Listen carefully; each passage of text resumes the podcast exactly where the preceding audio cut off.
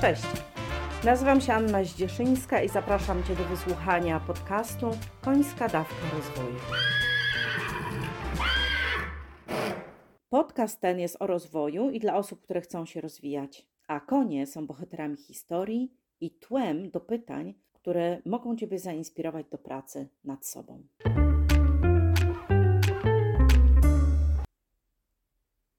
Cześć! Czasami, jak będziesz obserwować jazdę konną, którą ktoś prowadzi, którą prowadzi trener, możesz usłyszeć taką komendę: bat, bat, bat, albo no użyj bacika, batem, batem, bat za łydką, bat po łopatce, bat, bat, bat. No i wydawałoby się, że ten bat to straszna rzecz. Ale sam bat nie jest straszny, tylko to w jaki sposób go używamy. Czyli możemy użyć bata prawidłowo, bądź użyć bata nieprawidłowo. Po co tak naprawdę używa się bat, szpicrutę, jakkolwiek byśmy to nie nazwali, palcat, batu jeżdżeniowy i wiele różnych rodzajów faktycznie batów jest w jeździectwie. I jak myślisz, po co się używa bata? W powożeniu, w lążowaniu, w jeździectwie. No powiem Ci na przykład o lążowaniu, ponieważ swego czasu byłam osobą, która lążowała bardzo dużo konie, które e, pracowały jako konie woltyżerskie, czyli osoby, które pracowały z koniem, wskakiwały na niego i robiły różne ćwiczenia akrobatyczne i gimnastyczne na koniu. A ja byłam tym, który prowadzi konia i odpowiada za to, żeby koń szedł równo, rytmicznie i bezpiecznie. I do czego służył mi bat? Po pierwsze, do wskazania, że koń ma rozpocząć ruch, po drugie do utrzymania go na obwodzie konia, po trzecie do zatrzymania. Umiem dość dobrze operować batem nadal, mimo że teraz już e, lążuję konia tak po prostu, żeby się ruszył, nie, nie na zasadzie takiej profesjonalnej. Natomiast umiem dotknąć bata w przeróżne części, znaczy umiem batem dotknąć konia w przeróżne jego części ale przyznam ci się, że zdarzało mi się używać bata niewłaściwie podczas jazdy konnej. Podczas jazdy konnej bat ma wspomagać łydkę, ma być dodatkowym impulsem, sygnałem, który ma pokazać tak, idź do przodu, tak, weź, zdobądź się na energię i wykonaj skok. Czyli jest, bat jest pomocą, tak jak głos.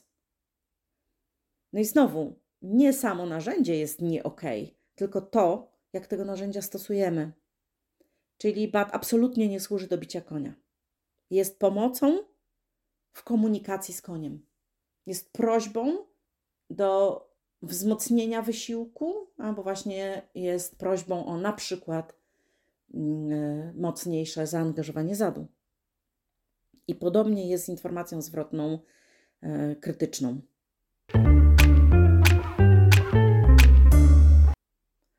Celem tej informacji jest zwrócenie uwagi na błąd, niewłaściwe zachowanie, a nie karanie. Celem jest zaproszenie do korekty, na przykład zachowania, do zmiany jakiegoś schematu, do dołożenia większych starań itd., tak a nie do ukarania. No jak używać informacji zwrotnej, tej krytycznej? No tak jak bata, odpowiednio. Po pierwsze, miej dobrą intencję. Po drugie, wskazuj.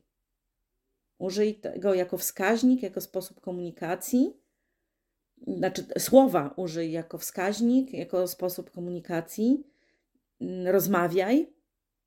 Oczywiście zachęcam do tego, żebyś zastosował, zastosowała model Foucault, czyli najpierw porozmawiajcie o faktach.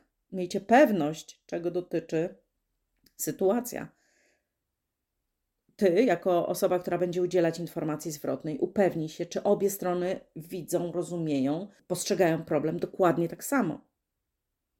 Następnie powiedz, dlaczego to jest dla ciebie ważne, wyraź swoje uczucia albo ustosunkuj się do sytuacji. Omówcie konsekwencje dla sprawy. Albo powiedz, jak ty to widzisz, albo upewnij się, jak rozumie to druga strona. Dlaczego to jest ważne? Jakie konsekwencje to może rodzić dla relacji, dla biznesu?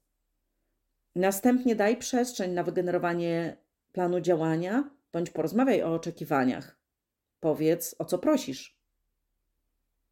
To jest istota informacji zwrotnej korygującej. No i oczywiście taki już alfabet naj, najchętniej od razu po, żeby ktoś nie nauczył się niewłaściwego nawyku. Mów o sytuacji albo o zachowaniu, nigdy o osobie. Zawsze w cztery oczy, z zachowaniem szacunku. No, to jest takie e, no, ABC, z którego nie startuj z fuko, jeśli nie zamierzasz mieć dobrej intencji i nie zamierzasz uszanować tej drugiej strony. I pytania na dziś. Pytania rozwojowe na dziś.